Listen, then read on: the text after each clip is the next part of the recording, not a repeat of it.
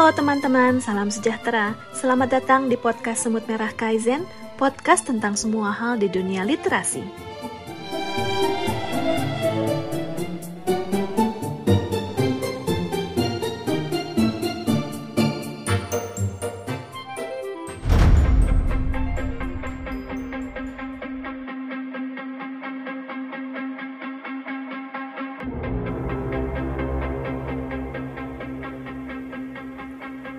Ulasan film Boss Level oleh Andri Dharma. Bagaimana rasanya ketika bangun di pagi hari, kita langsung disambut oleh seorang pembunuh bayaran yang membawa sebilah parang. Lalu, setelah selesai menghadapinya, sebuah helikopter tiba-tiba muncul di luar jendela tempat tinggal kita dan pembunuh bayaran lain sudah siap menembaki kita dengan senapan Gatling. Nah, ini dia yang terjadi di awal Boss Level. Film laga fiksi ilmiah garapan sutradara Joel Carnahan yang dibintangi oleh Frank Grillo, Naomi Watts, Mel Gibson, dan Michelle Yeoh.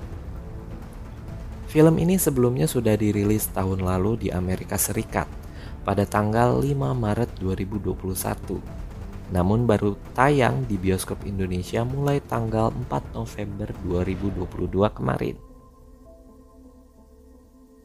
Film ini berkisah tentang seorang pensiunan tentara pasukan khusus bernama Roy Pulver, diperankan oleh Frank Grillo, yang mencoba untuk lepas dari putaran waktu di mana dia selalu tewas mengenaskan di tangan berbagai pembunuh bayaran. Roy sendiri tidak paham mengapa para pembunuh bayaran tersebut mengincarnya dan menghabisinya. Terlebih lagi, dia hidup kembali mengulangi hari yang sama setiap kali dia tewas. Mantan istrinya, Gemma, diperankan oleh Naomi Watts, bekerja di sebuah laboratorium bernama Dino Labs dan mengerjakan sebuah proyek rahasia bernama Osiris Spindle.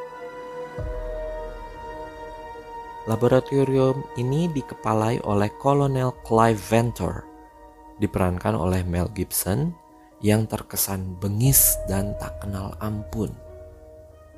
Roy juga bertemu dengan seorang wanita bernama Dai Feng, diperankan oleh Michelle Yeoh, yang bisa membantunya dalam upaya untuk mengungkap mengapa dia terjebak dalam putaran waktu tersebut.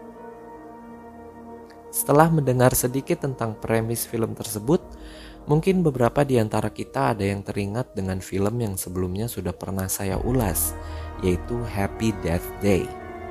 Memang, kedua film ini memiliki benang merah yang sama, yaitu sama-sama bergenre fiksi ilmiah dan berkisah tentang tokoh protagonis yang terjebak dalam putaran waktu dan harus mengungkap alasan mengapa fenomena janggal tersebut bisa terjadi.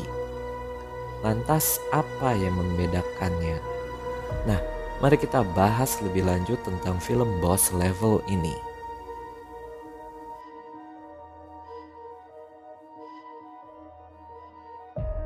Satu hal yang langsung menyita perhatian saya saat film ini dimulai adalah opening credits yang ditampilkan dalam format 8-bit dan pixelated mengingatkan kita akan video games yang digandrungi di era 80-an dan 90-an. Tentu penonton yang sudah lahir di era tersebut akan ikut bernostalgia dengan opening credits film yang unik ini. Selain itu dari judulnya saja sebetulnya sudah bisa kita tebak bahwa film ini mengangkat konsep video games zaman dulu seperti Street Fighter, Super Mario Brothers, atau bahkan Contra. Roy yang mati beberapa kali kemudian hidup kembali pun sama seperti konsep respawning dalam video games. Namun bedanya di sini nyawa yang dimiliki Roy seolah tak terbatas. Sebelumnya sudah sempat saya sebutkan ya bahwa ini adalah film laga fiksi ilmiah. Jadi sebenarnya di situlah letak perbedaan utama dari film ini dengan Happy Death Day. Kalau Happy Death Day adalah film horor yang dipadukan dengan fiksi ilmiah, film Boss Level ini dipenuhi adegan laga. Dan ingat ya, Ratingnya 13+. Plus. Jadi film ini tidak cocok untuk ditonton oleh mereka yang berusia di bawah 13 tahun karena adanya bahasa umpatan dan adegan berdarah. Tapi tenang, penyajiannya seperti film Deadpool kok, di mana kematian Roy yang berulang kali itu malah terkesan kocak. Tapi tahukah kalian bahwa dalam film ini ternyata ada pesan menarik terkait refleksi atau renungan diri? Bagaimana bisa? Sedikit bocoran buat kalian, Kolonel Clive Venter ini adalah tokoh antagonis utama dalam film ini. Dan dialah yang mengutus para pembunuh bayaran tersebut untuk menghabisi Roy. Dia sendiri memulai program pembuatan Osiris Spindle atau poros Osiris ini untuk mengulang lagi kehidupan dari awal di mana tidak ada tragedi kemanusiaan seperti rezim Adolf Hitler ataupun tragedi 11 September. Tapi Roy justru memberitahu Clive bahwa tragedi kemanusiaan yang sudah terjadi di masa lalu seharusnya dijadikan pembelajaran bagi umat manusia agar itu tidak terulang lagi di masa depan. Hal menarik lain terkait refleksi diri dalam film ini adalah dalam upaya Roy untuk menemukan penyebab putaran waktu tersebut, dia bertemu dengan anaknya, Joey.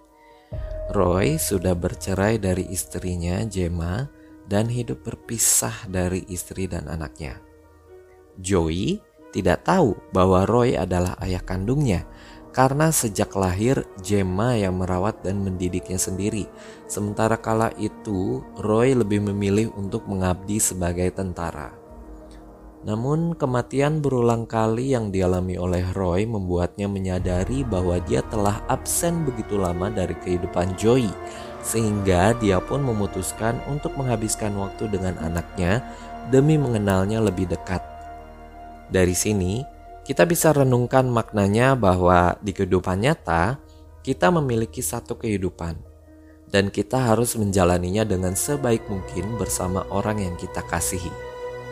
Wah, Ternyata di balik tampilan Roy yang garang ada hati yang lembut untuk anaknya ya. Itulah yang menjadikan Roy sebagai tokoh utama yang lebih berdimensi. Oh, dan ada fakta menarik juga nih. Tokoh Joy sendiri diperankan oleh Rio Grillo, putra dari Frank Grillo. Jadi chemistry antara ayah dan anak yang mereka tampilkan dalam film ini juga cukup menyentuh. Akhir kata, menurut saya film ini bagus selain tentunya menghibur. Saya merekomendasikan film ini terutama bagi kalian yang suka film-film laga dan bergenre fiksi ilmiah. Saya sendiri cukup terkesima dengan akting Frank Grillo di sini, yang sebelumnya mungkin sering muncul sebagai penjahat atau tokoh antagonis. Apalagi Ternyata film ini juga menyuguhkan makna yang cukup mendalam tentang renungan diri. Satu hal saja yang menurut saya kurang begitu memuaskan, yaitu porsi kemunculan Michelle Yeoh yang kurang begitu panjang dan terkesan sebagai tokoh tempelan saja. Meski begitu, dia tetap memerankan tokoh penting dalam jalannya cerita. Penasaran kan seperti apa akhir ceritanya? Film Boss Level ini sudah bisa kalian saksikan di bioskop Indonesia dan di salah satu streaming platform. Jadi, selamat menonton ya.